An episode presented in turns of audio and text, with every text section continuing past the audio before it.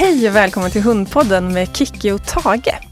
Och som vanligt så presenteras podden i samarbete med Furry Friends. Och idag så ska vi prata om ett jätteviktigt ämne i dessa tider, nämligen fyrverkeri och ljudrädsla. Och med mig idag har jag Elin Lindell, välkommen hit. Hej, tack så mycket. Och du är ju veterinär. Mm. Och vi har samarbetat en del tidigare. Mm. Eh, Och du har varit med i podden tidigare också, pratat om kastrering. Jajamän. Och även så har vi gjort ett avsnitt om fyrverkeri och ljudrädsla tidigare i Hundpodden med Kiki och Fanny. Men vi kände, det var faktiskt du som föreslog att vi ska göra ett avsnitt igen, eller hur? Mm. Varför då? Det stämmer. Jo, för att ja, men dels har det nog kommit ganska mycket ny kunskap eh, och dels så har framförallt jag själv lärt mig mer och Ja. insett vikten av att jag vill verkligen få en chans att träffa de här hundarna som är ljudrädda tidigt. För att kunna Ja. hjälpa dem så bra som möjligt och också för att, eh, för att kunna eh, få den här kombinerade hjälpen av veterinärundersökning, kanske någon form av medicinering beroende på hur, hur jobbigt de har det, men också för att peppa eh, hundägarna att kunna gå och få hjälp av någon som dig. Mm. För att både kunna förebygga att det blir värre och också kanske så småningom börja träna på den typen av ljud som hunden redan är rädd för. Mm. mm. Och innan vi kör igång och börjar prata för fullt, Ja. vem, vem är du? Ja, jag insåg det. En presentation kan ju vara på sin plats. Eh, Ja, men som sagt, Elin Lindell heter jag. Jag är veterinär eh, och jag har ett stort intresse för beteende och beteendeproblematik hos framförallt hund. Och jag har förmånen att få jobba mer och mer med den typen av patienter på min nuvarande arbetsplats som är eh, Albano djursjukhus, alltså Annikura Albano i Stockholm. Mm. Eh, Jag jobbar också i Södertälje en dag i veckan på en Annikura-klinik där. Och utöver att du är veterinär med intresse för beteende så är du också Fear Free certifierad. Mm, mm. Jag har en eh, utbildning inom Fair Free eh, som är, ja, men det är en amerikansk organisation som har gjort en utbildning som handlar om att minska oro och stress för hundar och katter på kliniken. Och sen har jag ju faktiskt också en klickerinstruktörsutbildning. Mm. Det kan vara nyttigt har jag insett på kliniken. Inte för att jag klarar av att lägga upp så bra träningsplaner själv, men jag har i alla fall lite hum om hur träningen ser ut och vad man ska titta på, vilket gör att jag kan hjälpa mina kunder att titta på om de själva har börjat träna och konstatera att okej, men här behöver ni verkligen hjälp, eller det här ser ju ändå hyfsat bra ut, kör på. Liksom. Mm. Mm. Det låter kanon. Mm. Och med dig idag så har du lilla whisky. Mm, det är min lilla dvärgpudel, han är tio år gammal nu. Och ibland så är han lite högljudd, så vi får väl se om han tänker. Han är så söt så han kommer undan med det. Ja, det är en stor fördel med honom Mm. faktiskt. Men om vi går tillbaks till det här temat, eh, fyrverkeri och ljudrädsla. Och jag tänker, en sak som är orsak till att vi ville göra det här avsnittet är ju att det är så viktigt att man tar tag i problemen. Mm. Vad, vad är dina tankar kring det? Man kan inte bara vänta och hoppas att det går över. Nej, alltså det jobbiga med, med ljudrädsla eh, är att det i stort sett alltid blir värre. Mm. Det sprider sig som en Ja, löpeld. det Mm. förvärras och med det menar jag inte att de kanske blir mer rädda för samma ljud utan de blir rädda för fler och fler ljud. Mm. Jag träffar, träffar ibland hundar som börjar med att bli rädda för fyrverkerier, sen blir de rädda för åska, sen blir de rädda för blinkande ljus, sen blir, Mm. blir de rädda för tvn, för att det blinkar på tvn. Så blir de rädda för att det blåser ute och sen blir de rädda för ja, öppna spisen för att det sprakar i den. Mm. Och sen helt plötsligt så har man en hund som liksom, ja, går omkring som ett nervvrak både ute och inne och det är fruktansvärt sorgligt Mm. att se. Mm. Eh, Och det är faktiskt så illa att jag till och med, ja kanske inte riktigt varje år, men emellanåt träffar på hundar som, som inte får kontroll på den här rädslan på.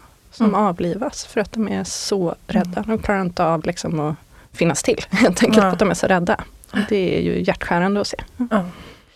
Jag brukar använda en liknelse ibland, Mm. att det går ganska lätt att spilla ut ett vattenglas, Mm. men det är väldigt svårt att stoppa tillbaka vattnet igen. Mm. Och li- lite så upplever jag att det är med rädslor, Mm. att det är lätt att väcka dem, Mm. men det tar mycket tid och kraft och, och tålamod att träna tillbaka dem. Mm.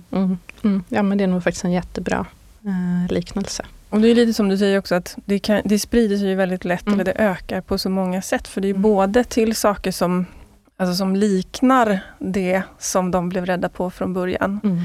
Men också saker som de kanske förknippar, andra händelser. Jag vet, jag hade en kund som blev rädd varje gång som familjen tog på sig festkläder och började ordna sig mm. för fest. Fast det, det gjorde ja. de ju på nyårsafton när den här hunden fick sitt första trauma. Ja. ja men det stämmer, jag har varit rädd, väl med om hundar som har blivit rädda för bilen. Till mm. exempel mm. för att det har kopplats ihop mm. med något kraftigt ljud. Så att, ja. Och mm. det är svårt för oss att förutse vad hunden tänker koppla ihop med det den blir rädd för. Jag tänker också att det absolut bästa, det är ju om vi förebygger och ger vår hund så bra grund som möjligt, så att den inte behöver mm. bli rädd och mm. utveckla mm. rädslor. Eh, det är klart att man aldrig kan få några hundraprocentiga garantier, men ju mer träning vi gör förebyggande, desto större chans att hunden faktiskt inte blir rädd. Ja, och framförallt, det är ju liksom det vi kan göra. Ja, det, det, är det vi har att komma med. Det kan påverka. precis. precis. Och saker som, som kan förebygga då, eller förebyggande träning, det är mycket att vänja hunden vid olika ljud i hundens takt. Mm. Och att den helt enkelt får göra, ja, men, höra olika typer av ljud på lagom nivå och tycka att det är någonting positivt eller, eller ofarligt. Mm. Eh, helst både och, både ofarligt och positivt. Så att den inte sen blir överraskad när den hör ljudet i kanske lite högre nivå. Så olika typer av ljudlekar eller utsätter den för olika situationer. Jag vet, du nämnde här innan att du ger rekommendation ibland, vilket jag också gör, att ja, men passa på när hunden hör ljud ute på promenaderna som den hör men inte blir rädd för. Mm. Ja, men då kan man ju passa på att slänga iväg en godisbit så att den förknippar den med något positivt eller leka lite grann med hunden eller någonting sånt så att man sakta men säkert lär den att mm. det här är positivt. Mm. Ja, och det är faktiskt den enda rekommendationen som jag verkligen vågar ge till de eh, hundägarna som kommer med hundar som är rädda. Mm. Eh, för ljud, för att det är svårt att mm. träna en hund som är rädd för någonting, för det är så himla stor risk att man lägger sig lite, lite för svårt och helt mm. plötsligt så då blir det bara pannkaka. Mm. Så det jag uppmuntrar och peppar och pushar verkligen för att, att man får hjälp av någon mm. som, som kan det här. Var går gränsen då, tycker du, för när man ska börja söka hjälp? För att, att en hund kan reagera på någonting och rycka till eller hoppa undan eller bli rädd vid ett enstaka tillfälle. Vad, hur tycker du man ska tänka kring det? Mm. Ja, men där skulle jag gärna vilja ha lite, lite grann diskussion med dig också. Mm. För det här, det här tycker jag är lite ja, men det är lite utmanande att veta exakt när det är dags mm. att söka hjälp. Eh, det finns ju självklart om hunden blir skrämd, eh, se att det smäller nära hunden och hunden det tar flera dagar innan hunden återhämtar sig mm. efter det här. Den kanske inte vill gå ut längre eller mm. börja titta sig omkring med, på promenaden eller inte vill gå till det stället där mm. det här hände. Då ska man definitivt söka hjälp, både av veterinär för undersökning och och få hjälp av någon som kan hjälpa till. Och liksom, hur hanterar jag det här bäst med träning och, mm. Eh, och optimera vardagen för hunden. Men jag upplever att många, många som jag träffar när jag frågar om deras hundar är, eh, är rädd för ljud, att ganska många säger nej. Eh, men då kanske det är så att jag träffar den här hunden på grund av något annat problem. Men när jag börjar fråga lite mer noga, Mm. Liksom, vad gör hunden på nyårsafton? Eller liksom, mm. hur, hur uppför den sig vid åskväder? Då visar den kroppsspråk som tyder på rädsla, men att, att vi ibland har lite begreppsförvirring där, för att när man säger rädd, eller när jag frågar rädd, då tänker, i alla fall upplever jag det så, många hundägare, att ja, men det betyder att hunden liksom typ skriker eller mm. får fullständig panik, medan mm. att, att den blir lite låg. Alltså typ mm. sänker öronen, härsar, går undan, inte längre vill ta mat som den brukar, inte vill leka. Det är mer att den reagerar, inte att den är mm. rädd. Just det. Så även de som inte får fullständig panik vill jag definitivt träffa. Mm. Men, men de här som kanske fladdrar till med öronen och sen så går de vidare och det är inget mer med det. De tänker att, man kanske bara behöver ha koll på. Mm. Och börjar det gå i negativ riktning, ja. att man då söker hjälp, jag håller med. Mm, tänker du samma? Ja, ja, och jag tänker också att, för det är ganska ofta, när de väl söker hjälp för mm. fyrverkerirädsla eller ljudrädsla generellt, mm. Så är det oftast för att det har börjat ställa till allvarliga problem för mm. ägaren. Mm. Mm. eller att det har blivit så påtagligt för hunden att den verkligen, verkligen mår dåligt av det. Men det, jag är helt enig med det att oftast så har problemen börjat långt, långt, långt innan det. Och Det är flera aspekter då på varför man behöver söka hjälp direkt när man ser tecken på rädsla. Och det är dels för hundens livskvalitet såklart. Mm. Den mår ju jättedåligt i de här situationerna. Mm. Och om man då inte kan undvika de här situationerna som hunden blir rädd i, då, då blir det ju dålig livskvalitet regelbundet för Mm. hunden. Men även på grund av att rädslor tenderar att eskalera, som Mm, vi var inne på mm. från början. Så det är så mycket lättare att ta det Japp. när det inte har gått så långt, ja. än att försöka stoppa tillbaka det här vattnet i vattenglaset som Ja. har vällt ut. Ja, nej men det är så sant. Hellre liksom vara lite nojig med sin Mm. hund när det gäller rädslor eller överdrivna reaktioner. Mm. Eh, och att man, man liksom söker hjälp och funderar på, behöver vi, behöver vi greja med det här på något Mm. sätt? En sak som jag tänkte på också, det är att om man har en hund som aldrig tidigare har visat rädsla eller reaktioner för ljud, och framförallt om den är lite grann äldre, Mm. Eh, och så helt plötsligt så ser man att den blir lite låg när man går sin promenad i närheten av skyttebanan till exempel. Och innan så har de skuttat omkring och tyckt att allting var fine där. Mm. De vill jag också träffa väldigt Mm. fort. Därför att vi Helt vet enig. att det är så stor eh, samsjuklighet med smärtproblem Ja. och, rä- och rädslor helt enkelt. Mm. Mm. Ja, exakt. Mm. Så, och där har jag faktiskt själv ett exempel på. Jag, Mm. Min förra hund var ju en border terrier, Mm. Happy. Och hon hade inga som helst ljudrädslor Mm. förrän hon blev kanske tio år gammal. Mm. Då började det komma smygande på nyårsafton. Och där är jag rätt övertygad om att med facit i hand, då visste jag inte lika mycket som jag vet idag, men med facit i hand så är jag ganska övertygad om att det sammanföll med när hon började få ont i lederna. Mm. Vilket jag inte insåg förrän ganska långt. Hon var ju en terrier, så hon visade inte speciellt tydligt. Hon hade inga tydliga hälter. Men eh, så småningom så började jag inse att det är någon som, in- någonting som inte stämmer. Mm. Och då visade det sig att hon hade ont. Och mm, när vi började medicinera för smärtan i lederna, då blev också ljudkänsligheten bättre Mm. av sig själv. Mm. Mm. Och helt plötsligt gick det nog fram med träning på ett helt annat sätt Japp. än vad det gjorde Ja, innan. nej, men det är nog vanligt. Och där skulle jag nog kanske säga generellt att har man, om det kommer en beteendeförändring någorlunda plötsligt, eller alltså Japp. Mm. om det kommer en förändring som man inte kan koppla till en direkt händelse eller så, då ska man definitivt eh, kolla igenom Mm. hunden Ja, ordentligt hos veterinär innan. Helt enig. Ja. Eh, när man inte kan förstå Mm. varför det hände. Om hunden liksom har fått en raket på sig och blir Mm. livrädd, Ja. då finns det, det ska ju inte få hända såklart, men då finns det ändå en rimlig förklaring till varför Mm. den blir rädd. Mm. Eh, Men, ja, nej, men annars så behöver vi verkligen, verkligen fundera ännu mer. Varför händer det här just nu? Mm. Precis, för att även om det är klart att många hundar blir rädda för fyrverkerier så, så kanske de har bättre tålighet om de är fullt friska och mår bra såklart. Mm. Mm. Ja, och det är väl också ett steg egentligen i det här förebyggande, att aldrig liksom, att grunden är stabil, vad man ska säga. Mm. Att liksom, hunden mår bra fysiskt och psykiskt, har en bra vardag, får Mm. utlopp för sina behov. Liksom. Mm. Det Mm, Du Ja. talar så vackert. Eller hur? Kloka ord. Ja. Mm. Och säg nu då att min hund börjar bli, den har inte haft eh, problem med rädsla tidigare. Mm. Och sen så märker jag, men nu börjar den reagera lite grann på ljud. Mm. Eh, Det kanske är i samband med fyrverkerier eller nyårsafton eller så, men det kan ju också vara att den börjar reagera på eh, saker ute som den hör eller så. Vad tänker du är första steget att man ska göra? Ja, men jag tycker att man egentligen ska ta kontakt både med en veterinär, alltså boka en tid för en eh, ordentlig undersökning. Eh, och också få hjälp av någon som kan börja hjälpa en att titta på eh, hur ser vardagen ut? Vad kan jag Mm. göra för att minska risken att det här blir värre? Och sen börja ta tag i hur kan jag träna? Liksom, Mm. för att både minska risken för att det eskalerar och sprider sig och så småningom på de ljuden som hunden är rädd för Mm. eh, också. Det ena liksom utesluter inte det andra. Ibland upplever jag att det blir väldigt så här, man ska börja med det eller det. Mm. I de här lägena kan jag känna att liksom, kör, Mm. Ta tag i båda grejerna Mm. samtidigt. Precis. Min rekommendation brukar vara att hitta en bra veterinär och en bra hundpsykolog och så Mm. tar du det först som du får tid hos Ja, först. jag skulle precis säga samma sak.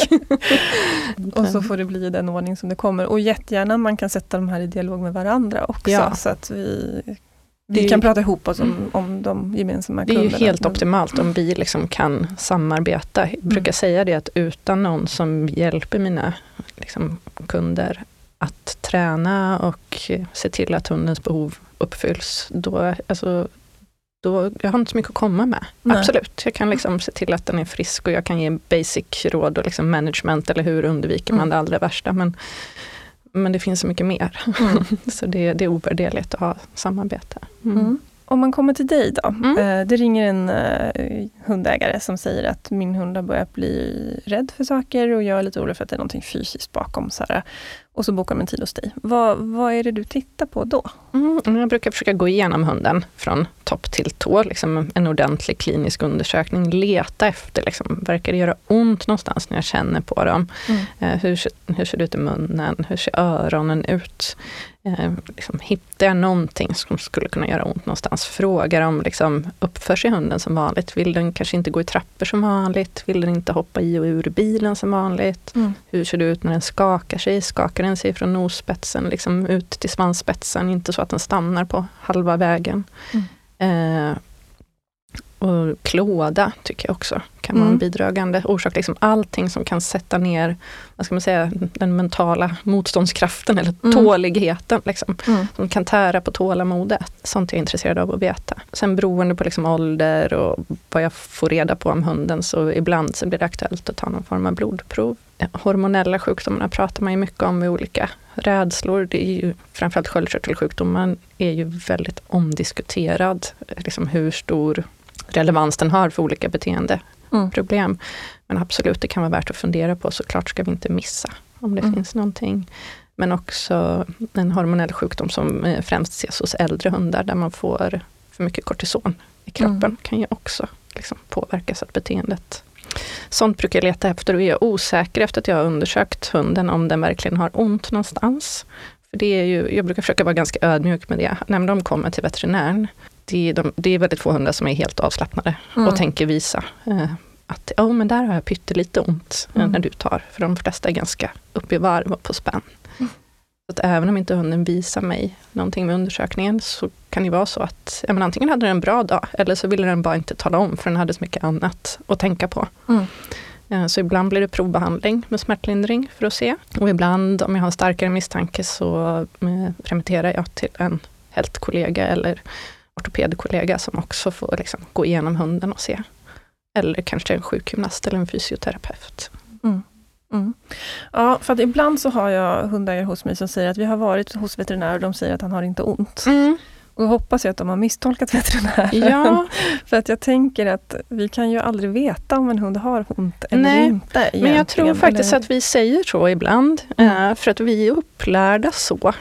Vi brukar tänka att som veterinär, vi är ju upplärda liksom att vi ska veta Mm. bäst när det gäller liksom den fysiska Mm. bedömningen på djuren. Eh, Men smärta hos folk är ju ganska mycket en psykisk, alltså man har sett att mycket handlar om liksom hur hjärnan processar saker och så också. Och det är säkert likadant hos hundarna, vilket Mm. innebär att vi kommer aldrig kunna veta helt krasst om en hund har ont eller inte. Eh, så länge vi inte kan prata med dem. nej. Nej, men jag brukar säga ibland Mm. att, för jag har själv en Mm. hel del problem med lederna. Mm, Eh, mm. och det är på ett sätt en gåva. Mm, för mm. att då kan jag kanske ha viss förståelse för hundar som också kan ha ont. För det är aldrig någon läkare som har hittat någonting. Jag är inte svullen i lederna mer än i undantagsfall. Och det har inte visat någonting på några blodprover eller röntgen eller någonting. Men jag vet att jag har ont. Och då tänker jag att sådär jättemycket skiljer inte våran fysik sig från hundarnas. Så det kan säkert vara så att, och hundarna kan ju inte ens berätta. Jag kan åtminstone berätta för en läkare hur jag känner mig. Mm. Men det kan ju inte hundarna göra speciellt tydligt, inte med ord i alla fall. Nej.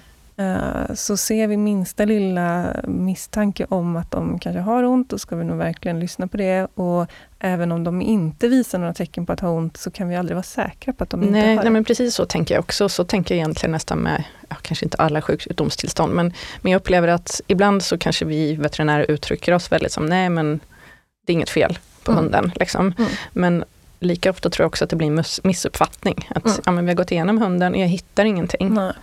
Och då blir det en tolkning att okej, men det är inget fel. Så jag brukar försöka säga till mina djurägare att när jag liksom har undersökt hunden och jag, och jag hittar ingenting. Jag bara okej, men jag hittar ingenting på Nej. min undersökning. Det betyder inte att det inte finns något. Det Nej. betyder bara att idag kan inte jag hitta vad det är. Och jag tänker det, som, som hundägare så tänker jag att det är viktigt att ha med i bakhuvudet att, att den aspekten alltid finns, att vi Mm. aldrig kan veta riktigt. För att vi har mer att förlora på, eller hunden framförallt har mer att förlora på om vi råkar eh, tro att hunden är frisk när den inte är det, än att vi tror tvärtom. Ja, nej, men så tänker jag eh, också. Jag är mm. helt enig där. Jag brukar tänka att eh, eh, likväl som att eh, det kan ta lite tid att eh, hitta en veterinär som man känner att man har liksom, förtroende eh, för. Mm. det, kan vara, det kan vara värt om man känner att nej, men den här veterinären, det funkar inte rent liksom, personkemi. Mm. Men man kan be om en second opinion. Mm. Det är mm. inget fel med det. Jag skickar ibland mina liksom, kunder till en kollega, för jag bara, jag behöver få hjälp och få en second opinion, för jag mm. får inte riktigt kläm på vad det är, för det är någonting, men mm. jag kan inte hitta vad. Mm. Och likadant kan jag säga till mina kunder att, jo men eh, jag tycker att ni ska åka och träffa Kiki till mm. exempel. Hon är duktig, det vet jag. Men om ni känner att personkemin med Kiki inte funkar, hör mm. av er tillbaks till mig. Jag har mm. fler som jag kan mm. rekommendera. Så att man, man kan veta om att det finns det finns många olika personer och vi passar olika bra mm. ihop. Liksom. Då kan man få så bra hjälp som möjligt för sitt djur helt enkelt. Ja, mm. precis. Både personkemimässigt och olika intresseområden. Mm. För det kan mm. också, man kanske har en veterinär man går hos som är jättebra på det här vardagliga med vaccinationer och mm. grejer, mm. men som kanske inte är riktigt intresserad av att göra detektivarbete kring den här typen av problematik. Och då är det viktigt att man kompletterar med någon som, mm. som ja, Precis, att vi hjälps åt helt enkelt. Både, både inom djurvårdsbranschen och inom djurträningsbranschen eller mm. vad, vad, man ska säga. Jag tycker det är svårt att hitta bra ord, för det handlar mm. inte bara om träning, Nej. det du jobbar med, men det finns inga riktigt bra ord. Nej, jag håller med. jag håller med. Mm, men då funderar jag ju lite också att när jag som veterinär eh, hänvisar en hundägare att gå och träffa dig eh, och få hjälp av dig, vad liksom mer specifikt, var, var kan man börja någonstans? Kan du mm. berätta lite?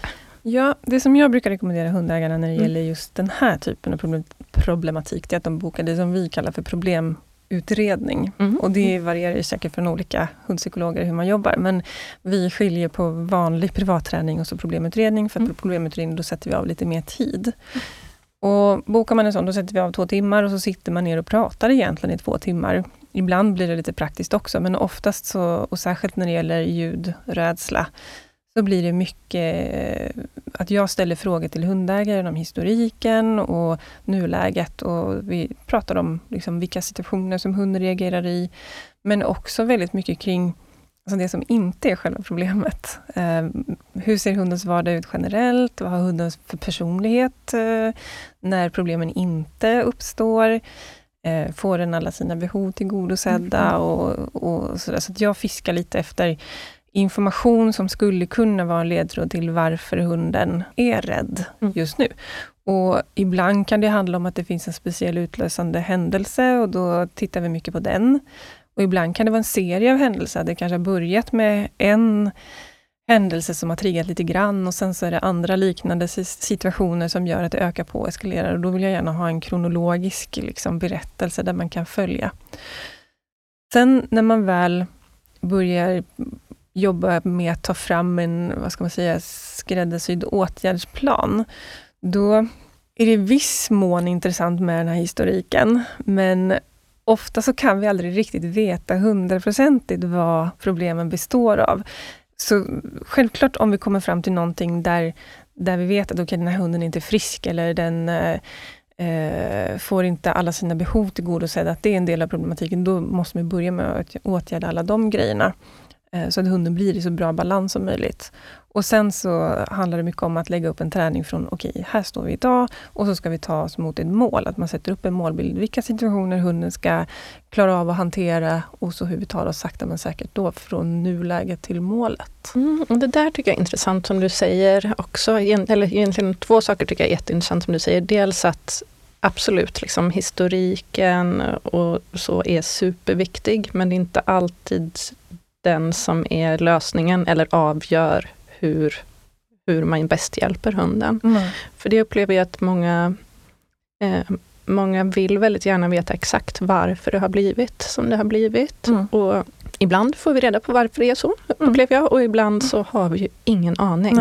Och då kan det vara skönt att få höra just det att men ibland kan man släppa stoppa eller försöka lägga energin på någonting annat än att försöka leta upp den bakomliggande orsaken och istället liksom okej, okay, nu har vi, vi kan faktiskt göra någonting ändå, mm. även om vi inte vet exakt, exakt, varför det blev så här.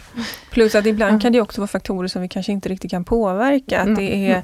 allt ifrån att det finns genetiska aspekter ja. mm. till att det har hänt någonting som har lett till det här, ett trauma som hunden varit utsatt för och det kan vi aldrig påverka. Utan det enda vi kan påverka det är ju det vi gör från nu och framåt. Mm. Och det här med genetiska aspekter är faktiskt jätteviktigt för att man ser, eller man tror nog mer och mer att ljudrädsla är en rädsla, typ av rädsla som verkar vara ganska ordentligt ärftlig mm. för det mesta. Det vill säga, har man en hund som är väldigt rädd för ljud så ska man tänka sig noga för innan mm. man låter den hunden gå i avel, tycker jag. För mm. det är ett så det är så extremt handikappande problem mm. för hundarna. Alltså det ställer till med så mycket lidande både för hunden och för hundens liksom människofamilj. Mm. Ja. Mm, ja, men intressant.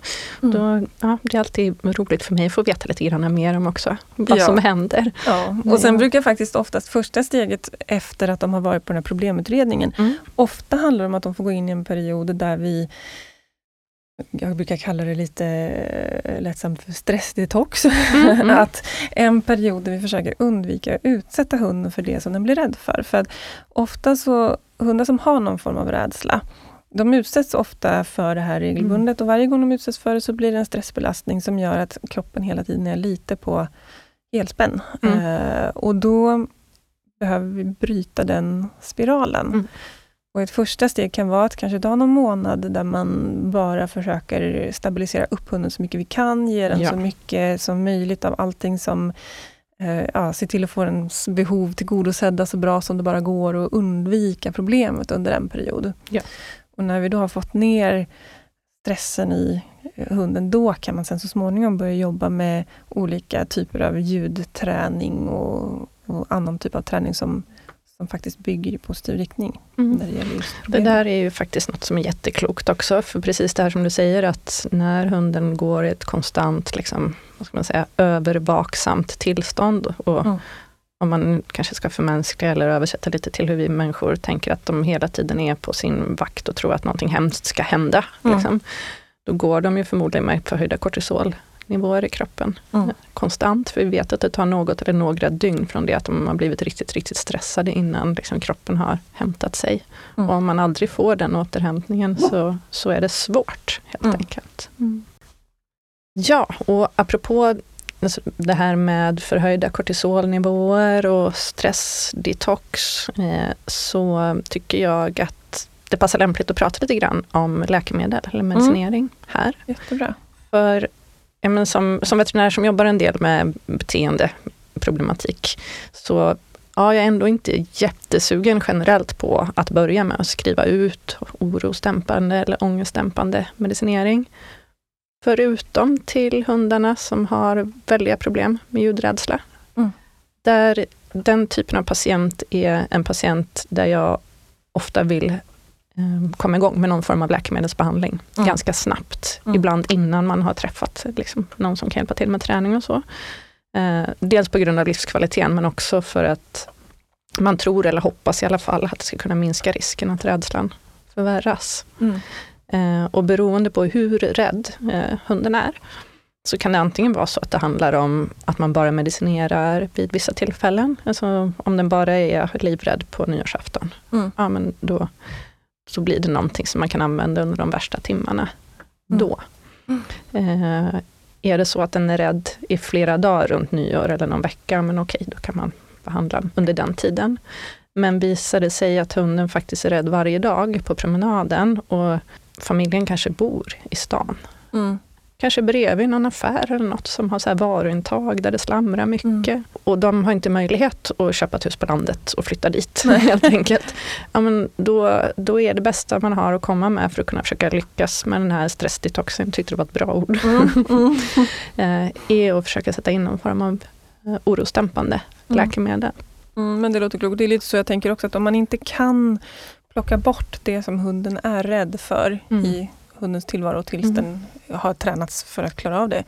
Då kan man ju behöva gå in med mm. någon medicinering mm. för att minska intrycken av det helt enkelt. Mm, men det är jag helt enig om och det här har ju varit, varit en ganska lång väg för mig som veterinär att landa i att jag själv etiskt tycker att det är okej att skriva ut varje dags medicineringsläkemedel.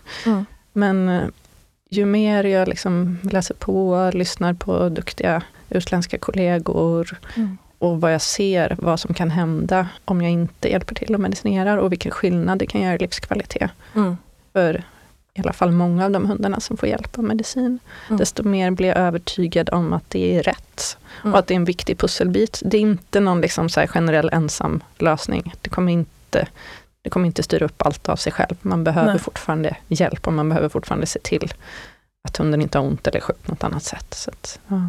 men, Ja. men det kan vara en stor, stor hjälp. Och vad är det för typ av medicinering man sätter in? Det kanske du Ja. nämnde. Men, Eh, jo, nej, men jag, jag berättar gärna lite grann mer. Alltså, när det gäller, eh, ja, jag tar lite snabb bakgrund först när det Mm. gäller liksom läkemedel och vad vi veterinärer har att förhålla oss till. Vi lyder ju eh, under lagen som alla andra. Mm. och då, då eh, är det så att de läkemedlen som är registrerade för djur i Sverige, det är de jag ska enligt lag använda mig av först. Mm. Och då har vi egentligen tre läkemedel som är registrerade när det gäller beteendeproblematik hos hund. Det är dels eh, medicinen Clomicalm som innehåller klomipramin. Den är registrerad för separationsproblematik och det är, det är en varje dags medicinering. Och sen är det medicinen Cilio som eh, är en gel som man ger på munslemhinnan och den eh, ger man ju vid behov. Mm. Och sen har vi ett läkemedel som heter Pexion. Nu är det restat för tillfället, men det är en epilepsimedicin från början, men där man har gjort lite studier på ljudrädsla. Så där finns det faktiskt också en indikation. Och den indikationen är på liksom kortare eh, behandling, men eh, förmodligen går den att använda mer lång tid också. Den är Mm. så pass ny den indikationen, så jag har inte någon större erfarenhet själv. Eh, Sen finns det utländska mediciner också. Eller ja, de är inte utländska, de, det är svenska mediciner men som är registrerade för djur i utlandet. Och den vanligaste av den är medicinen som heter Fluoxetin. Den heter Reconcile i USA och Prozac för människor. Så det är många säkert som känner igen Mm. just namnet Prozac. Just det. Eh, Den är ganska användbar tycker jag just för varje dags medicinering när det gäller ljudproblematik. Så att ofta om man har en hund som är väldigt rädd för ljud, ofta handlar det om att försöka hitta en strategi som är en blandning av mediciner som man ger varje dag eh, under lång tid och någonting att liksom toppa med när det är riktigt illa. Alltså om, om det är åskväder eller fyrverkerier eller om man bor på landet och det är älgjakt till exempel, om man inte kan ta sig därifrån. Ibland är det lätt att hitta saker som får vardagen att bli mycket enklare och ibland är det jättesvårt att hitta en behandling som funkar. Finns det några nackdelar med de här medicinerna? Bra fråga. Ja, jag brukar säga allt som man kan stoppa i munnen kan ge kräkning och diarré. Ja. Eh, det är den vanligaste biverkningen på i stort sett alla läkemedel. Och sen är det, man ska komma ihåg att de här medicinerna påverkar hjärnan. Och, och det innebär att mm, Mm, dels så kan man få vanliga biverkningar som att ja, de kan bli lite groggy i början. Alltså lite slöare, kanske ta något snedsteg eller bli vinglig. Det brukar inte vara extremt på något sätt, även om det förekommer. Det är ju inte så att vi vill att de ska bli liksom groggy och konstiga. Då är det fel. Men de första veckorna kan man märka att hunden är lite slöare eller kanske tar något så snedsteg när den skakar sig eller något sånt. Det brukar gå över. De ska inte på något sätt bli liksom zombie-liknande eller så på, på lång sikt, för då är det helt fel. Då är det biverkningar medicinen som är helt oacceptabla. Då Mm. måste man prova något annat. Annars så är det så, de, framförallt de här långtids, alltså varje dags medicineringen, eh, de flesta av dem har en liten stund innan man får riktigt bra effekt. Så man brukar säga att man behöver utvärdera i 6-8 veckor. Mm. Först då vet vi om den här medicinen funkade bra. Och man kan bli sämre i början om man har otur. Det vill säga, har man riktigt otur så kan hunden kanske bli lite mer rädd. Eller om den också har en samsjuklighet med reaktivitet eller utfallsproblematik så kan utfallen bli värre i början. Så jag brukar vara jättenoga om att informera om det. Intressant. Mm. Jag tänker, nu börjar det ju närma sig nyårsperioden. Mm. Och eh, här i Bromma, där jag bor, så börjar de eh, skjuta fyrverkerier ibland månadsvis innan. Så Mm. det brukar vara en ganska tuff period för de hundar som bor här. Mm. Och jag tänker då att vi skulle kunna prata lite grann om vad man kan göra nu. Egentligen, är det så, om man verkligen har allvarliga problem, då är Mm. min rekommendation att man börjar helst ett år innan. Ja. För det Mm. tar tid att jobba. Men nu vet vi att det kommer ett nyår här ganska snart. Mm. Mm. Och eh, då tänker jag att vi skulle kunna prata lite grann om vad man kan göra. Dels om man har en hund som inte är rädd. Mm. Och så om vi har en hund som är lite rädd Mm. och en som är lite mer rädd. Mm. Om vi börjar med den som inte är rädd idag. För Mm. jag tänker att det är smart att göra någonting även med den. Så jag kommer faktiskt också att sätta fart lite grann med Tage nu, som inte är rädd för Mm. fyrverkeri och ljudrädsla. Det försöker jag göra lite grann varje år, att eh, förebygga lite grann för att jag vet att den här perioden kommer och vara så säker som möjligt på att eh, han inte blir skrämd det här nyåret heller. Mm. Och där tänker jag att det handlar mycket om, och det kan man ju göra själv, där behöver man ju inte Mm, hjälp av varken veterinärer eller en psykolog. Eh, utan där handlar det mycket om att eh, ge hunden eh, positiva upplevelser av olika ljud. Mm. Eh, och det kan både vara ljud som liknar fyrverkerier, men också helt andra ljud, så olika typer av ljudlekar. Ja. Även den här veckan har jag och Furry Friends spelat in några filmer som ni kan ta del av i sociala medier. Och eh, den här veckan handlar det såklart om eh, ljudrädsla, eller egentligen förebyggande ljudlekar. Och vi har spelat in tillsammans med Tage och lilla hunden Hampus lite olika ljudlekar som ni kan prova på egen hand. Så gå in och titta på Furry Friends sociala medier. De heter Furry Friends Family på Instagram så hittar du filmerna där. Lycka till! Och några exempel på ljudlekar, det är till exempel att man eh, låter hunden söka godis samtidigt som hunden liksom åstadkommer någon form av ljud.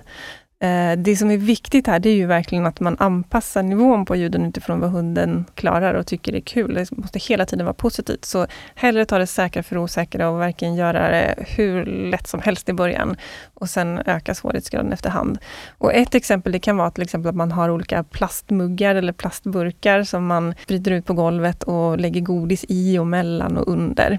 Och när hunden då puttar till på en burk så blir det lite skrammelljud. Och är man på ett väldigt blankt golv, hårt golv, då blir det lite högre ljud. Och då kan man börja med att vara på en mjukare matta eller ha en filt under så att det inte blir så stora ljud eller kraftiga ljud. Och likaså beroende på vilka burkar man använder så blir det ju olika nivå på de här ljuden. Och målet är ju verkligen att hunden ska in och bröttla runt bland de här burkarna och tycka att det är en jättekul övning. Det som man också kan tänka på där, det är att man, om man har en hund som är väldigt, väldigt godisintresserad, då finns det risk att hunden kanske ger sig in i en situation som den inte riktigt är redo för, om den är väldigt sugen på det där godiset. Så då rekommenderar jag att man ser till att det finns godis även runt omkring och utanför, så att den inte behöver eh, gå in bland de här, in, att den inte behöver skapa de här ljuden. Ja, för få just dem. det, det där är ju jättesmart. För ser man då att hunden är väldigt sugen på att plocka godisarna som liksom ligger runt de här skrammelgrejerna, men, men är mm, inte Lite så sugen på att ge sig in mitt i, utan verkligen gå runt och ta Mm. de andra, då kan man misstänka, antar jag, att det är lite grann svårt Precis. för den här hunden. Då, kan man, då får man Ja. tänka ut på något sätt hur man kan göra ett lite lättare Mm, steg för mm. hunden helt enkelt. Så att det är en typ av övning. En liknande övning är att man sprider ut kanske bestick på en bricka eller plåt. Och det är klart metallbestick på en metallplåt, det blir mycket ljud. Medan eh, om man har eh, bestick på en eh, träbricka så är det lite mindre distinkta ljud och lägger man dessutom en handduk eller filt emellan så blir det ännu mindre. Mm. Så det är ytterligare ett exempel. Man kan eh, låta hunden leta godis bland petflaskor Mm. på ett golv. Och samma sak där, beroende på hur hårt golvet är, blir det mer eller mindre ljud. Mm. Ehm, så det är lite olika typer av ljudlekar Mm. som man kan inspireras just det, av. nu minns jag faktiskt att jag har ju lärt min lilla whisky att stänga en eh, skåplucka Ja. själv som en del i Ja. det här och då började vi faktiskt med att ha en handduk Mm. mellan liksom skåpsluckan och väggen eller vad man ska Ja. säga så att det inte blev så himla högt klonk. Det jättebra. tyckte han var väldigt kul. Ja, men så all, ja. alla sådana där lekar där Mm. hunden liksom själv gör ett ljud Mm. och så får någonting positivt utav det. Mm. kan vara bra. Sen kan man ju också vänja hunden bara vid inspelade ljud av fyrverkerier eller så. Och det finns ju massor med, man kan hitta på Youtube eller söka fram ljudklipp. Och samma sak där, börja på jättelåg volym i början och sen öka efterhand som du märker att hunden inte är berörd av det. Och dels kan man göra det som en bara gradvis tillvänjning, att man har på det här ljudet lite i bakgrunden, att varken man själv eller hunden tänker så mycket på det. Eh, Men man kan också göra det som en positiv upplevelse, att det kommer ljud och sen så får hunden någon godisbit eller att den kan ligga och tugga ben samtidigt, eller så, så att det till och med blir en positiv upplevelse av de här ljuden. Så det är väl de sakerna jag tänker på om Mm. man har en hund som inte är rädd idag. Mm. Det är faktiskt jättebra råd att börja Ja. greja med. Plus att man också kan passa på när man är på promenaden och hör ljud på långt Mm. håll, som vi var inne på från början där. Eh, har man en hund som inte är rädd för fyrverkerier, då är det faktiskt en välsignelse att det ibland är lite fyrverkerier innan mm. nyårsafton. För att mm. på nyårsafton är det så otroligt många mm. fyrverkerier på en gång, så det kan lätt bli övermäktigt. Mm. Men är det något enstaka fyrverkeri på långt avstånd så kan man använda det för att ge hunden en positiv upplevelse av fyrverkerier. Genom att när det drar igång så kan man låta hunden köra ett godisök eller leka en stund eller någonting annat som hunden tycker är positivt. Mm. Det är jättebra grejer om man kan mm. lite grann för, i förväg förbereda. Så mm. blir det lättare. Mm. Och som, om jag tänker på mitt område då, och förbereda sig, mm. om man har en hund som är, faktiskt är rädd, att man mm. upptäckte det förra mm. året. Och att framförallt om det är så att hunden är rädd, inte bara just när det är som värst vid tolvslaget. Mm. Boka en tid till veterinär nu. För att det kanske är så att, eh, att hunden är så rädd att den skulle behöva få behandling veckorna runt nyår, om man bor i ett område där det smäller mycket. Ja. Och då gäller det att man är ute i god tid, för som sagt, många av de här medicinerna som ska ges varje dag kan behöva lite inkörseffekt. Mm. Det finns absolut de som ger snabb effekt också, då är det ofta bensodiazepinerna, alltså valiumsläktingarna. Men personligen tycker jag att de är ganska jobbiga att skriva ut, mm. därför att Eh, jag vet att det är en beroendeframkallande medicin som missbrukas av människor. Mm. Och det är en stor anledning till att jag vill vara försiktig mm. med att förskriva dem. Jag förskriver dem absolut när det behövs, men jag brukar vara noggrann med att fråga familjen så att det inte finns någon beroendeproblematik liksom i närheten. För mm. jag vill inte råka förstöra någon människas liv. Mm i samband med att jag skriver ut medicin. Klokt, mm. det är mycket att tänka på. Inte ja, bara hunden. Ja, ja nej, men det, det kan vara ganska tufft just tycker jag med dem. Jag önskar att de inte hade den, mm. den verkan för då hade jag förmodligen använt dem mer. Mm. Det blir en balansgång. Ja, definitivt. Så har man en hund där man vet med sig från förra året att att det började bli problem eller att det har varit problem innan, så definitivt eh, söka hjälp hos en veterinär. Mm. Och dels kolla över det här med, som vi var inne på, med smärta och sånt. Mm, mm, passa Men på att också, göra en allmän ja. undersökning i samband med det. Fråga gärna dock, för de flesta, jag tror att de flesta av oss veterinärer är ganska bekväma med den här munhålegelen som heter mm. Silio, som, mm. är, som man ger på munslemhinnan. Som, den kan man ge liksom med varannan timme fem gånger, så då har man typ tio timmars mm. hjälp. Uh, det brukar de flesta veterinärer vara liksom trygga och bekanta med. Men känner man att man behöver mer än så, eller redan har provat det och det inte ger tillräcklig effekt, då ska man fråga lite grann när man bokar tid, mm. om det finns någon veterinär på det stället som är lite mer liksom, intresserad eller har lite mer kunskap just om ljud och läkemedel i samband med det. Mm. Om man har en ung hund då, tänker jag, mm. och det här är första nyåret. Mm. Finns det till och med möjlighet att man kan få Silio utskrivet och ha om ifall att? Eller bör man ha problematik innan? Ja, jag hade nog faktiskt, alltså det här är något som jag funderar på mm. själv eh, också, hur jag skulle ställa mig till det. Jag tror att jag har svårt att skriva ut det utan att man har liksom någon form av rädsloproblematik. Mm. För igen, dels så vet jag att det kan bli svårt att få tag på de här medicinerna runt mm. nyår och då vill jag verkligen att de hundarna som har mest behov mm. får medicinen. Mm. Och dels så, ja, jag vet faktiskt inte hur det blir liksom i lagstiftningen eller så att skriva ut liksom utan att Alltså att, ja, och skriva ut eller behandla, jag får inte behandla djur med medicin egentligen om jag inte har ett problem som jag behöver behandla. Mm. Och frågan är hur det då blir med förskrivningen. Jag vet faktiskt inte riktigt, Nej. men jag skulle själv inte sen, känna mig helt bekväm. Men det är en intressant Nej. fråga, för jag har funderat på det själv. Ja. Och troligtvis är det mm. så att om man inte har sett några som helst tendenser mm. till ljudrädsla, mm. så finns det mycket man kan göra på nyårsafton ja. för att mildra intrycken. Mm. Och gör man det, jag tycker oavsett, har man en ung hund så ska man gärna ta det, vilken hund man än har, så ska man ta det säkra för det osäkra och inte mm. utsätta hunden i onödan. Jag får fortfarande hundägare till mig som kommer där hunden har blivit skrämd på nyårsafton för att de har gått ut och tittat på fyrverkerierna. Ja. Mm.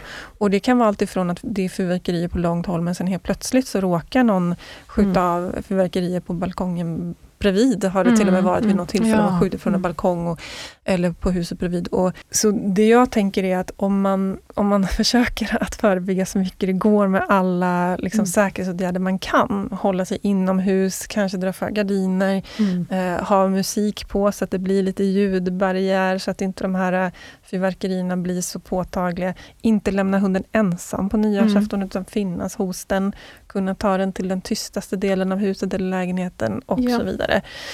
Så Ja, så har man en hund som inte har liksom påtagliga rädslor från början och man gör det man kan för att tillrättalägga, mm. då behöver man nog inte oroa sig och därmed behöver man inte ha Nej, i nej men så, så resonerar jag också. Ja. Mm. Däremot det är klart att om man har en hund som har mycket andra rädslor och troligtvis kommer man ju då hinna upptäcka redan innan nyårsafton, mm. för det är ju inte bara nyårsafton det smäller. Nej. Och då kommer man ha tid att söka hjälp hos mm. veterinär för att få det man behöver till nyårsafton, mm. mm. tänker jag. Mm. Mm. Ja, men jag tänker likadant. Och där är ju samma, jag är verkligen, eftersom jag vet, återigen, jag kommer tillbaka till den här bilden av vattenglaset hela tiden, mm. för att jag vet hur svårt det är att stoppa tillbaka vattnet. Så jag gör ju om jag kan, så även om Tage inte har några som helst tendenser till fyrverkeri och ljudrädsla, så åker jag hellre ut på landet på nyårsafton än att vara kvar i stan tack och lov har jag möjligheten. Mm. Men bara för att vara så säker som möjligt på att det inte blir någonting som jag mm. sen måste jobba emot. Mm. Ja, men jag, är lika, gör likadant. Jag känner också igen det här att, att man ibland går ut och tittar på fyrverkerierna tillsammans mm. med hunden. Eller att man tittar genom fönster. Mm. Och där har jag också folk som berättar att hundarna så småningom har blivit rädda. Och det är mm. jättesvårt att veta om det hade hänt oavsett. Men jag jag skulle gissa att den här kombinationen av stark, starka ljud och liksom kraftigt blinkande ljus, mm. att om man får båda två så är det kanske större risk att det bara blir för mycket mm. till slut. Ja, mm. att de blir rädda. Så att, ja, att in, mm. verkligen dra för och, och greja. Liksom. Det, mm. det, tror jag också kan vara skönt att göra. Mm. Och sen som sagt så finns det en hel del man kan göra, även om det nu är lite kort tid fram till årsskiftet så finns det ju ändå en hel del träning man kan göra. Så har man en hund som har ljudrädsla, då rekommenderar jag att man också kontaktar en hundpsykolog för att ja. få hjälp med att lägga upp en träningsplan så man kan göra så mycket som möjligt. Och egentligen då både träningsplan och åtgärdsplan. Vad gör vi för att mm. minimera mm. skadan? Vi kanske inte kan komma hela vägen fram i år så att mm. hunden klarar av det som jag vill att den ska klara. Men jag kan då få hjälp med hur jag ska minimera skadan så att vi inte får större problem ja. än vad vi har Och det idag. där är ju prio. Alltså, mm. Det håller jag helt med om. Eh, verkligen se till, alltså prio ett är just ja, men livskvaliteten och se till att det inte blir värre. Mm. Eh, och precis som du säger, för ibland upplever jag att när jag eh, rekommenderar att mina kunder ska också ta hjälp av en hundpsykolog eller en etolog, de bara, men jag vill inte träna. Mm. Ja, nej, okej, okay, men det finns så mycket som du kan få hjälp. Eh, mm. Även om det inte är ren träning, plus att träningen kanske inte alltid ser ut så på så, ett sånt sätt som man tänker sig som Nej. hundägare. Mm. Men eh, ni som har den här utbildningen, ni har ju så stor kunskap om liksom, detaljer som kan underlätta och det kan göra milsvids skillnad om man får hjälp med det. Bara för liksom själva om man ska säga, tips och råd och det här kan man göra för att underlätta och det här kan mm. man undvika. Bara det är värt att boka ja. tid för ja. hos er, även, även om man känner att det är för sent att träna just det året. Jo, men jag insåg att det finns, eh, det finns faktiskt en studie som jag skulle vilja lite snabbt ta upp bara för att belysa hur mycket vi tror att ljudrädsla eller ljudreaktivitet kan påverka hundarna varje dag. Eh, och det är en studie eh, av en amerikansk veterinär, eller de är flera, men det är bland annat hon som heter Karen Overall som har gjort den här. Eh, och där har man valt ut hundar som har vad man klassificerar som en ganska mild ljudrädsla. Och sen så har man tagit hundar som inte är rädda för ljud alls. Och så har man låtit de här två olika hundgrupperna lösa som ett så här vad ska man säga, ett aktivitetspussel. De ska få ut någon godis eller leksak med hjälp av att lösa lite olika klurigheter. Eh, och de var inte utsatta för några konstiga ljud under den här tiden. Men man ser ändå en ganska tydlig skillnad. Att de hundarna som har den här milda ljudproblematiken, de är sämre på, på att lösa sådana här uppgifter. Och eh, man tror att det beror på att, att dels att hjärnan blir så pass påverkad eller är påverkad på något sätt. Antingen av rädslan i sig, så att hundarna ändå hela tiden går och är lite grann liksom vaksamma. Så att hela hjärnan kanske inte kan jobba med den här pusselaktiviteten. Eller att det finns någon form av förändring i hjärnan som faktiskt är det som förebådar mm. ljudrädslan. Och med det sagt, det jag vill få fram här är att man sök hjälp tidigt. Mm. För det påverkar förmodligen hundarna mer än vad vi tror i vardagen. Och det finns, alltså det som är bra är att det finns ju hjälp att få. Ja. Det finns mycket man kan förebygga och mycket ja, roliga grejer. Ja, som jag Ja. kommer att tänka på den här skåpputtarleken som jag tror jag måste gå hem Ta tag i igen. Eh, Ja. Sånt som är enkelt. Ja, exakt. Mm. Och jag tänker också så att även om man inte kan komma till rätta till 100% med hundens Mm. ljudrädsla så varenda liten grej vi gör som leder i positiv riktning är ju värt någonting för hundens livskvalitet och även för våran i förlängningen. För att Mm. det underlättar ju så mycket om, ja, men om, om hunden Alltså det är ju, jag vet, jag har så många vänner, jag tycker inte alls att nyårsafton är någon rolig högtid längre, för jag har så många vänner som jag vet sitter nere i ett Mm. mm. källarrum eller i en, eh, de isolerar sina klädkammare Mm, för att sitta mm. tillsammans med hunden hela nyårsafton för att hjälpa sin hund som lider av ljudrädsla. Mm. Och kan vi bara komma så långt att hundarna kan flytta ut från klädkammaren till vardagsrummet så, så kanske vi har höjt både våran och hundens livskvalitet Ja. ett rejält snäpp. Och det tror jag att i de allra flesta fall så kan vi verkligen komma dit. Sen kanske man inte kan komma till att hunden är helt oberörd om den väl har blivit skrämd. Men det finns så mycket vi kan göra. Mm. Det, det finns verkligen jättemycket vi kan göra. Ibland låter det kanske lite så här domedagsaktigt när Ja. man pratar om ljud. Men jag brukar Ja. tänka det också att vi ser ju de absolut värsta Ja. fallen. Jag brukar faktiskt försöka komma ihåg att tänka det, både för mig själv och tala om för mina kunder att jo, men jag är ju så nojig över det här, för jag har inte egentligen kanske ett representativt urval. Mm. Jag ser de som verkligen har Mm. problem. Ja. Samt så finns det undersökningar som tyder på att det är typ hälften av alla eh, våra hundar lider av ljudrädsla. Mm, ja. Så, Men det stämmer, jag vet det var någon finsk studie ganska Ja. nyligen, jag kommer inte ihåg om det var 30 eller 50 procent Ja. av hundägarna som uppskattade att hundarna faktiskt hade någon form av problem med ljud. Ja. Mm. så det är ju ett omfattande problem. Mm. Så Mm. det är väl värt att skaffa sig kunskap och jobba med det och göra Japp. vad man kan Mm. för att Mm. underlätta. Och jag, vet, jag har pratat flera gånger om det här, eh, du har sagt ordet noja.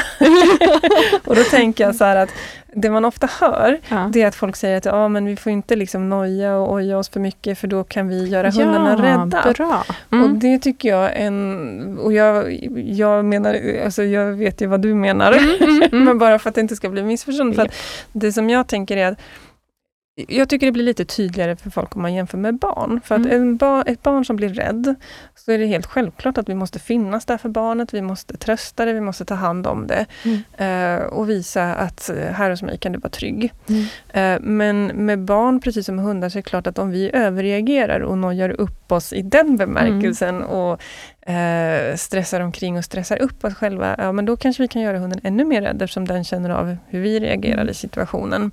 Så det som är viktigt här, och som jag är helt övertygad om att du menar, Mm. det är att vi måste noja över bemärkelsen att vi ska ta det här på allvar, vi ska ta tag i situationen Ja. och träna hunden samtidigt som det är viktigt att vi själva håller, behåller någon slags lugn och är den som står tryggt och stabilt i situationen Ja. och blir den där klippan som, som hunden kan liksom luta sig mot. Ja, och det här, ja, men det här var jättebra att du tog upp, tänker jag. Och det kan hända att ni som sagt redan har pratat eh, om det, men också den här myten om att man ska ignorera sin Mm. hund när, man, Ja. när den är rädd. Eller, Jag har en kollega som jobbar mycket med beteende eh, också, och hon, jag tycker hon hade en jättebra jämförelse, att om man till exempel har en, en hund som är Ja, men den kanske är avlad för att den ska larma eller den ska göra oss uppmärksam på olika saker. Mm. Och så kommer den och söker kontakt för att den är liksom, hallå det är något läskigt, det är ett ljud här, hallå, hallå, hallå, hallå, liksom. Mm. och så ignorerar man den. Mm. Det blir förmodligen mer problematiskt Mm. för den hunden än om man hade liksom, jaha, ja, men jag ser att du Mm. Har uppmärksammat att det är ett problem här. Mm. liksom, vill du Ja. ha kontakt? Ja men du får Mm. det. Men för det är inte samma sak som, som att, att sitta och liksom oj, oj, oj, oj, oj, Nej. oj. För, för det, Nej men exakt. jag kan säkert stressa. Ja. Men, ja. ja, nej men precis, jag håller med. Mm.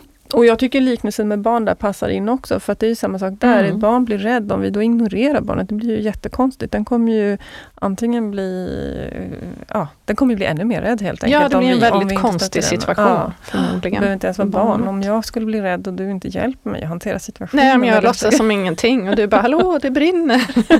och jag fortsätter och jag vet inte, skära Ja. min brödlimpa som att inget har hänt. Exakt. Mm. Mm. Mm. Bra. Men så med det sagt, Elin, om man vill boka en tid hos dig, då hör man Mm. av sig till Annikura. Eh, jag har ju en som beteendemottagning varannan Mm. vecka Mm. eh, i, eh, i Danderyd, Mm. Panikura Albano. Just det. Och då är det bästa att ringa dit och boka en tid eh, med mig. Mm. Ehm, ja. Och som sagt, det man behöver veta om då är att det kommer behövas ett samarbete Mm. Med någon som hjälper till med träning och vardagsoptimering, brukar jag kalla det. För. Ja. Mm, Ja. också. Tack snälla Elin för att du ville vara med och prata om det här viktiga Ja. ämnet. Eh, Tack själv, det är alltid lika trevligt. Nu får vi hem och träna lite Mm. förebyggande här med Mm. våra hundar inför nyårsafton. Yes. Tack så mycket. Tack. Innan vi rundar av det här avsnittet så vill jag tipsa om att du kan följa oss på sociala medier. Både jag och Hundpodden finns på Facebook och på Instagram. Sök på Kiki Felstenius och på Hundpodden med Kiki och Tage så hittar du oss. På mitt eget konto så får du följa mig i min vardag som hundpsykolog och jag delar med mig av tips och råd och inspiration. Och på Hundpoddens konto så hittar du bilder på våra gäster, får följa med in bakom kulisserna och en massa annat. Vi har även en webbsida, hundpodden.se, där du hittar information om podden inklusive alla avsnitt och extra material. Tusen tack för att du lyssnar på Hundpodden med Kiki Felstenius och Tage the Beagle. Ha en underbar dag!